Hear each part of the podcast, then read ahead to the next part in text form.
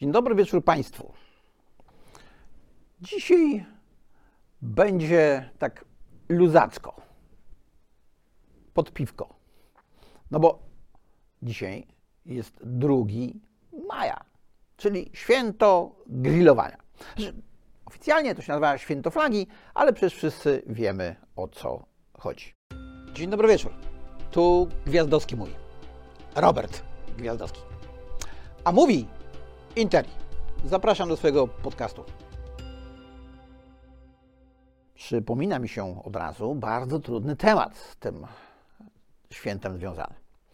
Przez wiele, wiele lat dziennikarze dopytywali różnych analityków, ekonomistów, jak to jest z tym świętowaniem, z tymi długimi weekendami dla polskiej gospodarki. No i większość ekonomistów mówiła, że gospodarka ponosi stratę, bo jeden dzień nic nie robienia to kosztuje nasze PKB, które zamiast rosnąć spada. Więc jako, że ja jestem nieprawomyślny, to ciągle mówiłem, że mi się wydaje, że jest na odwrót. Na odwrót jest z tego powodu, że PKB to suma wydatków, a my wydajemy na tego grilla, na to piwko do tego grilla. Niektórzy to jeszcze dziś pojadą, więc muszą zatankować, a tak by stali z tymi samochodami. Niektórzy to nawet pojadą gdzieś dalej, wynajmą jakiś hotelik czy pensjonat, ale że ważniejsze jest coś innego. O tym już Państwu mówiłem. Otóż my musimy, musimy pracować dłużej, jeśli chodzi o lata naszego życia. Więc jeżeli musimy pracować dłużej, nie do 60 czy 65, tylko do 70, może 75, to takie długie weekendy w trakcie roku nam generalnie rzecz biorąc pomagają zachować formę, żeby móc więcej lat w sumie pracować. No ale to jeszcze nie wszystko. No bo jeżeli mamy taki długi weekend, to nie tylko odpoczywamy, żebyśmy mogli dłużej pracować, ale też właśnie wydajemy i PKB nam rośnie. I to jest takie zagadnienie pod piwko, którego nie wolno reklamować. Więc ja nie wiem, czy w ogóle można mówić o piwie, bo wybuchła awantura dzika wśród obrońców praworządnego państwa, w którym przecież nie można obchodzić przepisów prawa, o jakąś reklamę piwa w internecie. No ale reklama piwa, no to ja rozumiem konkretne piwo. A czy samo piwo bez konkretnej marki to też jest reklama piwa? Ja generalnie rzecz biorąc za piwem nie przypadam, wolę wino. Wiem jednakowoż, że są tacy, którzy chcieliby, żebyśmy tego piwa nie pili i tego wina może też nie, bo się generalnie rozpijamy. A powinniśmy żyć w trzeźwości. Powinniśmy żyć w trzeźwości, no bo picie jest szkodliwe. Dla nas jest szkodliwe. Oni wiedzą lepiej. No, ci, którzy wiedzą lepiej, co jest dla nas dobre, to mają tę przewagę takiej wiedzy, mocnej wiary w to, że wierzą co jest dla mnie lepsze niż ja sama. Ale to święto grillowania, czyli flagi, ma jeszcze jeden wymiar. No bo skoro dzisiaj jest 2 maja, to znaczy, że trzy dni temu minął termin składania donosów podatkowych. I to nie było święto podatnika. E, oczywiście niektórzy te donosy, czyli deklaracje podatkowe, nazwane też zeznaniami, złożyli w tym roku znacznie wcześniej. Złożyli znacznie wcześniej, bo dzięki nieładowi podatkowemu wprowadzonemu przez Polski Ład e, mieli nadpłatę. Więcej osób miało nadpłatę, no bo żeby otrzeć łzy nieszczęśnikom, którzy myśleli na początku roku, że e, będą musieli zapłacić więcej, e, zmieniono przepisy i oni w sumie musieli zapłacić mniej, to teraz im Urząd Skarbowy odda. Do ostatniego momentu zwlekali tylko i wyłącznie ci, którzy muszą dopłacić urzędowi skarbowemu. No to teraz przynajmniej mogą pogrillować, e, zrelaksować się tym nieszczęściem, ile to oni musieli zapłacić, e, żeby wyjść na zero. Znaczy inaczej, żeby Urząd Skarbowy nic im już więcej nie zabierał za ten poprzedni rok. E, to jest związane ściśle z kwestią sporów politycznych o podatki. O progresji podatkowej mówiłem już Państwu wiele, wiele razy, więc się nie będę powtarzał. Każdy ma swoje zdanie na ten temat. Jedni uważają, że jest fatalna, drudzy uważają, że jest cudowna.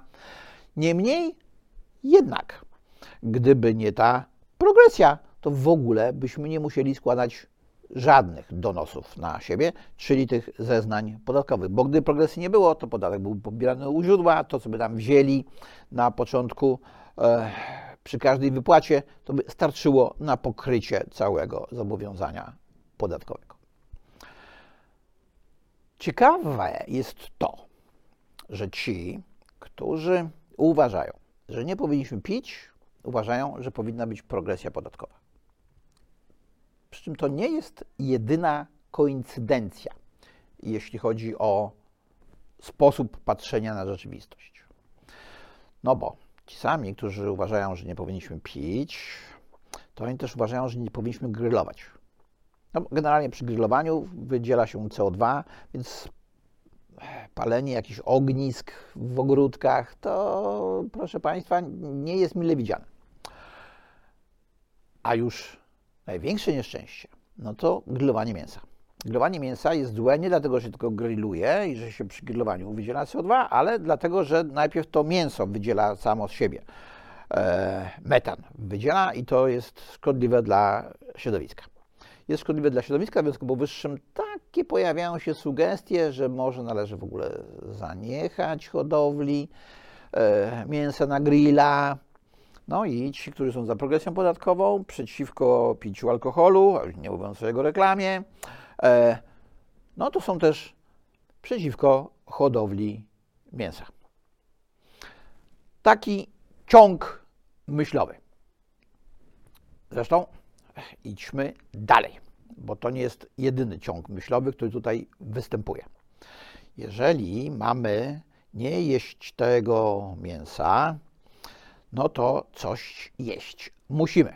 No, najlepiej by było, gdybyśmy jedli e, takie e, produkty e, organiczne, e, ale nie zwierzęce, tylko roślinne.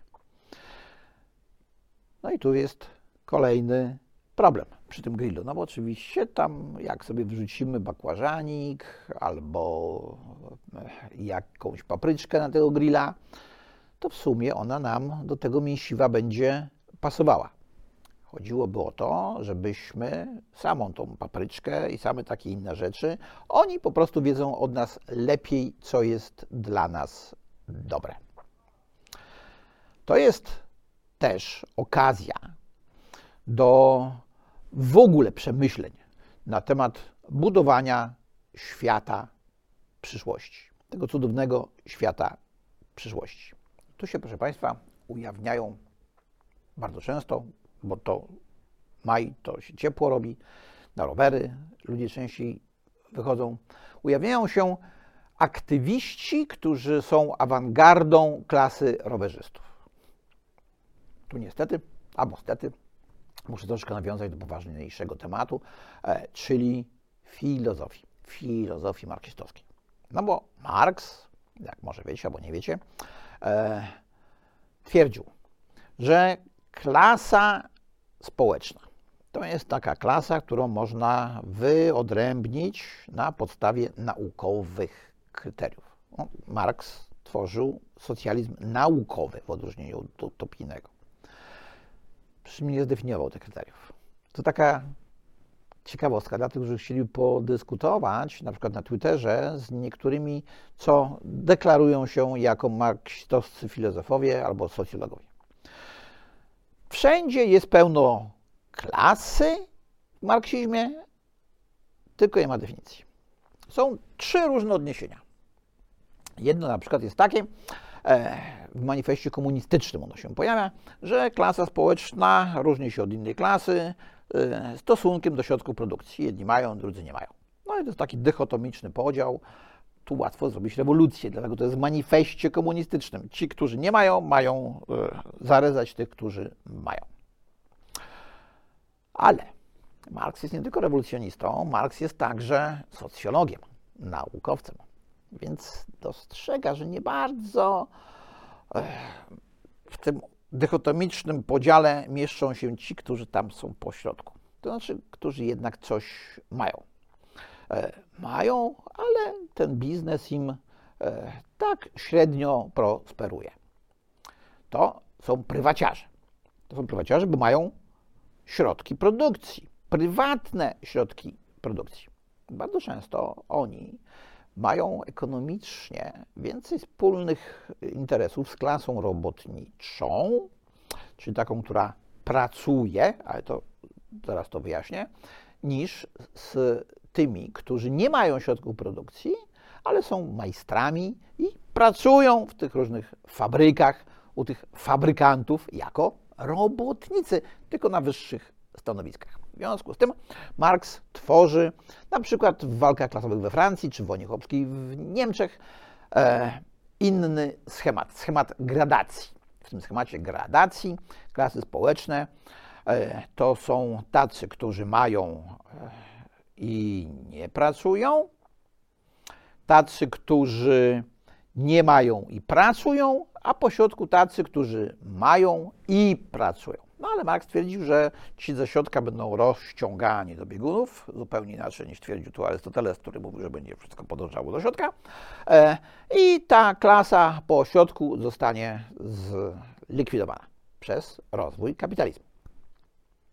No ale jest jeszcze stary Marx. Stary Marx pisał kapitał. No i w tym kapitale e, na koniec trzeciego tomu, e, rzadko kto dochodzi do trzeciego tomu kapitału, e, stawia takie pytanie. Dużo piszemy o tych klasach, no i e, najwyższy czas, żeby zdefiniować pojęcie klasy. Klasy różnią się tym, że jedni mają ziemię, drudzy mają kapitał, a trzeci pracują i umiera. Znaczy, nie od razu. E, na tym skończył ostatni rozdział kapitału. No i więc już nic nie dopisał. Potem umarł. Czyli mamy trzeci schemat funkcjonowania klasy, pojęcia klasy. To jest schemat, w którym ludzie różnią się stosunkiem do różnych środków produkcji. Proszę zwrócić uwagę na grę słów. W pierwszym dykotomicznym podziale mieliśmy różny stosunek do środków produkcji, a w trzecim mamy stosunek do różnych środków produkcji. Jedni mają ziemię, drudzy mają kapitał, trzeci mają pracę. Co by tam dalej Marx napisał, jakby nie umarł, to my dokładnie nie wiemy, ale generalnie rzecz biorąc, posługiwanie się pojęciem klasy w dzisiejszych sporach politycznych nie ma najmniejszego sensu, e, bo powszechnie obowiązująca przez lata całe w filozofii marksistowskiej, nie marksowskiej, tylko marksistowskiej definicja klasy, pochodziła od Lenina e, i została zaczerpnięta z manifestu komunistycznego. To była ta dychotomiczna definicja. Dlaczego tak dużo dziś mówię o tych klasach przy okazji święta grillowania? No bo przy okazji tego święta grillowania pojawiają się nam różne spory. Spory, które mają charakter tak troszeczkę klasowy. Jedni mają, drudzy nie mają. To się ściśle łączy z podatkami. Ci, którzy mają, mają zapłacić więcej, e, ci, którzy nie mają, mają zapłacić mniej. No to jest zrozumiałe, bo ci, którzy mają, to oni powinni być zainteresowani tym, żeby lepiej lepiej działała policja, żeby sprawniejsze były sądy, e, żeby dróg było więcej, no bo te ich wypasione e, samochody potrzebują więcej miejsca na drodze i potrzebują, żeby lepsza była ta droga, żeby się mogli rozpędzić. E, no bo gdzie się rozpędzi taki jeden z drugim, który gdzieś tu pod ten krawężnik w śródmieście Warszawy próbuje podjechać swoim Lamborghini albo Ferrari. Tylko, że ci, którzy nie mają, to uważają, że tamci, którzy mają, powinni nie płacić tyle razy więcej, ile mają, tylko więcej razy więcej niż mają. To jest słynny spór o progresję, ale ludzie przy grillu chyba o tym nie gadają. Mają wiele innych tematów, bo ci, którzy chcieliby, żeby była wyższa progresja, to oni chyba nie grillują. Przynajmniej tak można wywnioskować z różnego rodzaju mediów społecznościowych, gdzie oni e, piszą różne rzeczy. Oni chyba jeżdżą na rowerach. E, I tu wracamy do e, aktywistów będących awangardą klas rowerzystów. E, wychowywałem się na Grochowie, przy stadionie Orła. Tam był tor kolarski. Wszyscy byliśmy kolarzami. Więc jak ja dzisiaj jadę sobie samochodem, no nie Ferrari, bo to jest e, nie ta klasa samochodu, która mnie interesuje, e, i widzę w deszcz, w wiatr pedałującego rowerzystę, to ja naprawdę jestem pełen uznania. Ja mu może nawet trochę zazdroszczę, że jemu się chce ale tylko do momentu, gdy dojadę do pracy albo gdy wrócę do domu i zajrzę do mediów e, i tam trafię na jakiegoś e, aktywistę. Aktywista jest awangardą klasy rowerzystów, tak jak Marx był awangardą klasy robotniczej, bo e, ta klasa w sobie, która mogła być w jakiś sposób zidentyfikowana na podstawie kryteriów naukowych, których Marx nie stworzył, była głupia. Tak twierdził Marx. Bo ona nie uświadamiała sobie rzeczywistej roli historycznej. I ta klasa robotnicza potrzebowała awangardy. Ta awangarda, e, no to w zasadzie ona nie była klasą robotniczą. E, to musieli być intelektualiści, jak Karol Marx, Friedrich Engelsem, e, którzy mieli porwać klasę robotniczą, do walki o swoje interesy, do tego musieli klasie robotniczej wyjaśnić, jaka jest jej prawdziwa rola i jakie są jej prawdziwe e, interesy, żeby ona z klasy w sobie, definiowanej naukowo, mogła stać się klasą dla siebie, definiowaną politycznie. No i ci aktywiści e, też uważają, że wszyscy rowerzyści e, są takimi samymi aktywistami, albo powinni być jak i oni. E, czyli ci aktywiści. Nie mówiąc już o tych, którzy jeżdżą tymi samochodami. Ci, którzy jeżdżą samochodami, nie uświadamiają sobie swoich własnych interesów, dlatego w internecie możecie dzisiaj Państwo poczytać, e, że nie ma czegoś takiego jak zła pogoda. Są ludzie źle ubrani. E, no więc, jak już nas dobrze ubiorą, to wtedy wszyscy będziemy mogli jeździć na rowerach. I nie będziemy narzekać, że wieje i pada. Mało tego. E, szczególnie to jest ważne dla osób 65. Plus. E, dlaczego? No bo generalnie rzecz biorąc, jakby te osoby jeździły na rowerach przez całe swoje życie, to one by w wieku 65 plus były w lepszym stanie zdrowia i by mogły jeździć dłużej na tym rowerze. No, problem jest taki, że y, nie jeździli, no i teraz już są w takim stanie zdrowia, w jakim są. E, dla nich rozwiązanie to też rower. No bo jak mają kłopot ze wzrokiem, to o wiele bezpieczniej jest jechać na rowerze niż y, jechać samochodem. Mało tego, e, no nie przepedałują tych 50 kilometrów. No dobra, no to oni sobie mogą podjechać kawałek autobusem. Tak przeczytałem w poważnej analizie. E, co to oznacza? No to oznacza, że awangarda klasy rowerzystów jest generalnie klasą niepracującą, bo jakby pracowali, to by wiedzieli, że w tych godzinach, w których e, ludzie jeżdżą do pracy, nie da rady wejść z rowerem do autobusu. No nie da, bo tam czasami trudno wejść samemu, a co dopiero mówić z rowerem.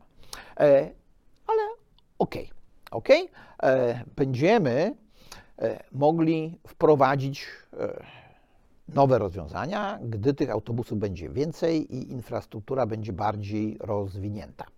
E, dla wszystkich, bo generalnie rzecz biorąc, tak taki emeryt 65, plus, to on też nie musi jeździć w szczycie, bo on przecież nie pracuje tak jak aktywista, żeby jednak wszyscy mogli korzystać z tego dobrodziejstwa, no to musimy coś zmienić. Ja jestem za. Proszę Państwa, tak, ja jestem generalnie rzecz biorąc za. Zresztą w ogóle ja jestem pod pewnymi względami aktywistą.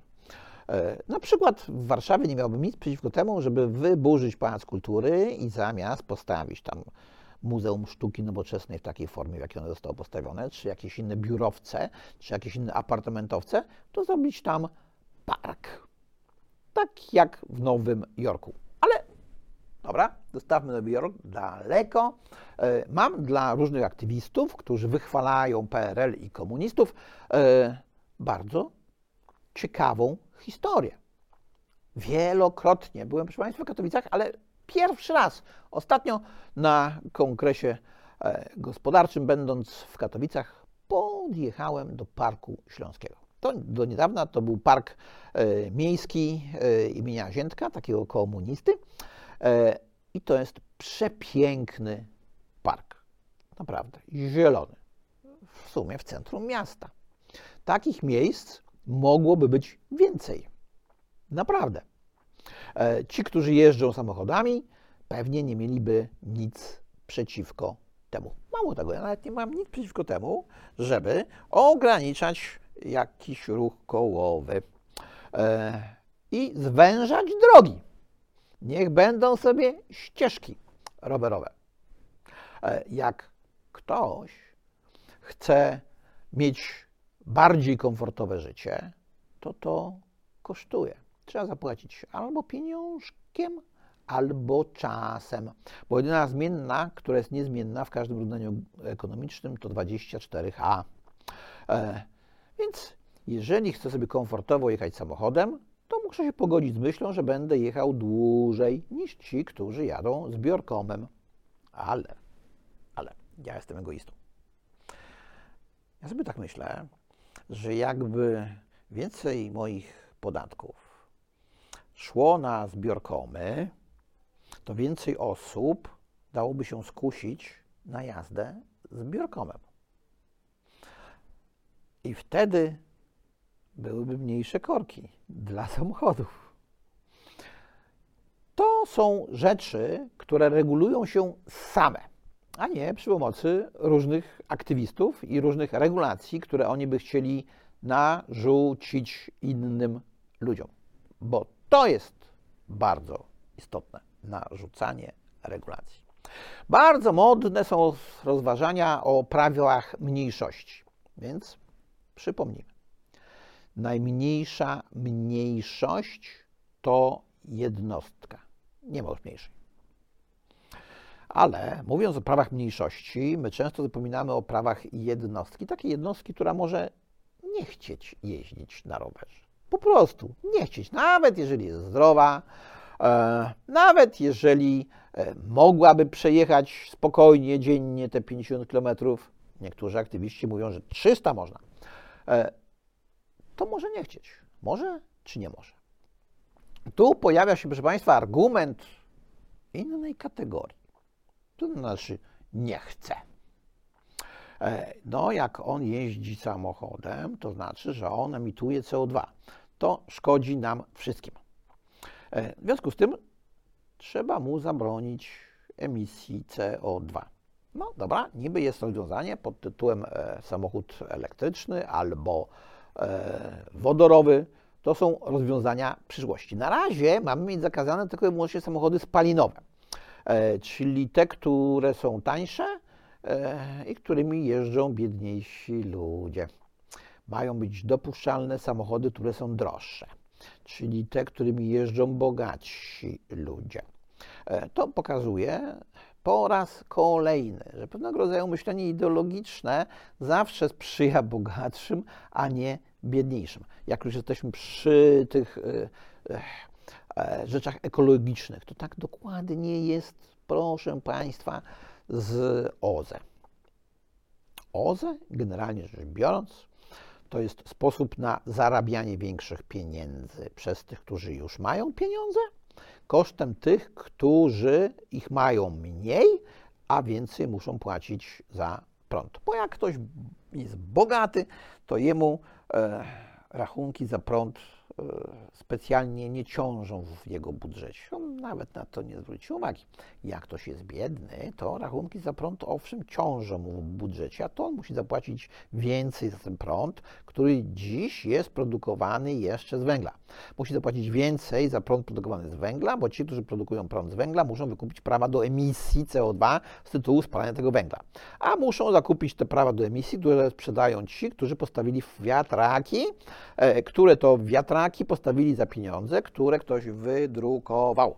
E, czyli ci, którzy mają dostęp do łatwego pieniądza i są już bogatsi, e, korzystają, zarabiają, a ci, którzy nie mają dostępu do łatwego pieniądza, muszą za to płacić. Kolejny przykładzik funkcjonowania idei sprawiedliwości społecznej, wyrównywania szans i w ogóle myślenia ideologicznego. Myślenia ideologicznego, a nie ekonomicznego, bo ekonomicznie to trzeba było popatrzeć, co się bardziej opłaca. Tak? Gdzie jest to kryterium opłacalności, gdzie jest ten break-even point. E, to jest dosyć proste.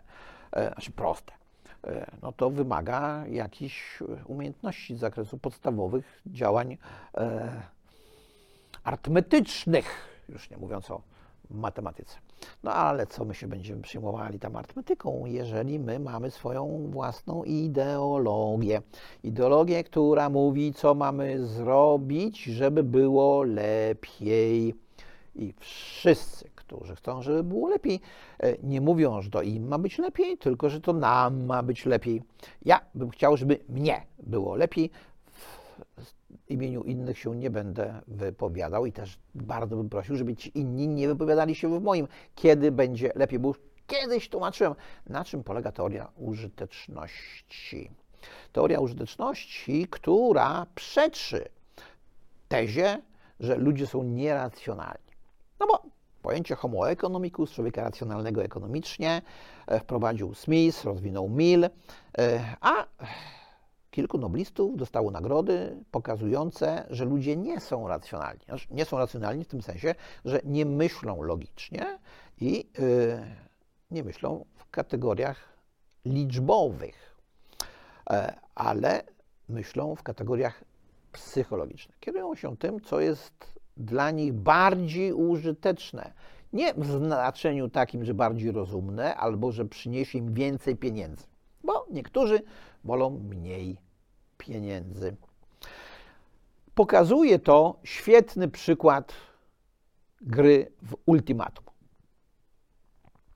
Nie wiem, czy dużo osób o niej słyszało, ale to jest gra polegająca na tym, e, że e, dwóch zawodników dostaje od organizatora gry jakieś pieniądze. Przyjmijmy, niech to będzie 1000 złotych.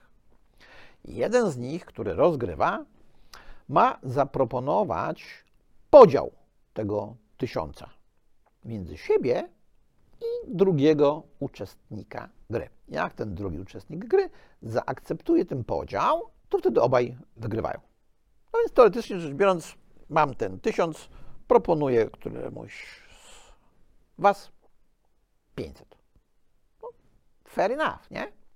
E, czyli generalnie rzecz biorąc, e, mamy po 500. Bo pewnie taka propozycja zostałaby zaakceptowana.